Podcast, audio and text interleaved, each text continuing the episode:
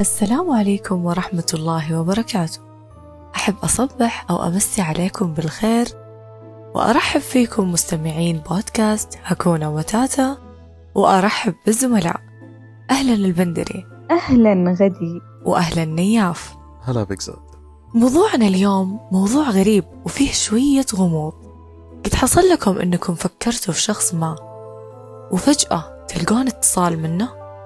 أو مثلا إحساس الأم العالي إن ابنها ممكن يتعرض للخطر أو شيء من هذا القبيل. وهذا يحصل بطريقة لا إرادية كأن عقلك ينبه كل شيء ممكن يصير. موضوعنا اليوم هو التخاطر. بالمناسبة هذا يذكرني بقصة. مثل الموقف اللي صار لأمير المؤمنين عمر بن الخطاب رضي الله عنه حينما كان يخطب على منبر رسول الله في المدينة. لك أن تتخيل أنه كان في المدينة وقاعد يخطب بالناس. وفي نفس الوقت كانت هناك حرب جارية للمسلمين في نهاوند بقيادة سارية بن زريم والجيش الإسلامي ينهار قدام العدو وموقفه يصبح جدا ضعيف. فجأة سيدنا عمر بن الخطاب رضي الله عنه قال بطريقة عارضة للخطبة يا سارية الجبل الجبل من استرعى الذئب على الغنم فقد ظلم. كأن حس بالخطر اللي حاصر جيش المسلمين هناك. وبعد ما انتهى من الخطبة سألوه الناس عن قوله فقال والله ما ألقيت له بالا شيء أتى على لساني. ولما رجع جيش المسلمين إلى المدينة جاء سارية بن زريم وقال لعمر بن الخطاب رضي الله عنه يا أمير المؤمنين تكاثر العدو على جند المسلمين وأصبحنا في خطر عظيم. فسمعت صوتا ينادي يا سرية الجبل الجبل من استرعى الذئب على الغنم فقد ظلم. فلما سمعت أو لما سمع سارية هذا الكلام جاء في باله أنه بمثابة تحذير أنه التجئ أنت وأصحابك إلى سفح الجبل.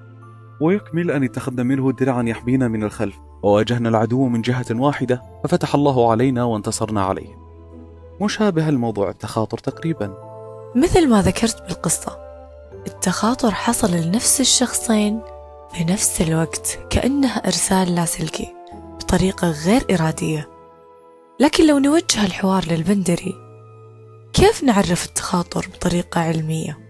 التخاطر هو اتصال عقلي وروحي يحدث بين شخصين يستقبل كل منهما رسالة الآخر في نفس التوقيت وفي عدة أنواع للتخاطر ممكن نذكرها للمستمعين طيب قبل ما ننتقل للأنواع حابة أسأل وش رأيكم بالتخاطر؟ تصدقون فيه أو لا؟ وهل ممكن إنه يصير بطريقة مقصودة؟ عن نفسي ممكن أصدق فيه لأن أغلبنا اختبر هذه التجارب إنك تفكر بشخص وتلاقيه يفكر فيك ويتواصل معاك أو تلاقي شخص نفس أفكارك واهتماماتك بطريقة غريبة كأنكم توأم روح. بس إنه يصير بطريقة مقصودة ما أحس إني أميل لهذه الفكرة. خلونا نكون واقعيين ومنطقيين أكثر من كذا. هذه الأشياء غير قابلة للقياس وما في دليل يقدر يثبت صحتها ولا يوجد علم إلى الآن دعمها. حتى القصة اللي أنا ذكرتها كانت كرامة أكثر من كونها تخاطر. أنا أعتقد أنها مجرد تهيؤات أو أوهام. لا أنا بالنسبة لي أصدق إن راح يطلع دليل يثبت وجود هذا الشيء بطريقة مقصودة. خلوكم أذكى من أنكم ترفضون أي فكرة لمجرد أنه ما عليها دلائل ملموسة لأنه قد تظهر لها أدلة وصلاحية في المستقبل. لأن قبل خمسين سنة ما حد كان يقدر يتوقع أنه نقدر نتواصل بالصوت والصورة من البيت للبيت. طيب لو فرضنا أن التخاطر المقصود حقيقي هل في أحد راح يرسل رسائل عشوائية في عقولنا ويغير من أفكارنا؟ هذا الشيء مرة خطير. بيكون مشكلة مو على مستوى شخصي بل على مستوى العالم. ولو الأمر حقيقي الحمد لله ما عشنا هذا الزمن المخيف وما زال تفكيرنا بين أيدينا. فعلا الحمد لله. ختاما لموضوعنا التخاطر طبيعي جدا ويحصل على فترات متراوحة. لا تتعمد التخاطر.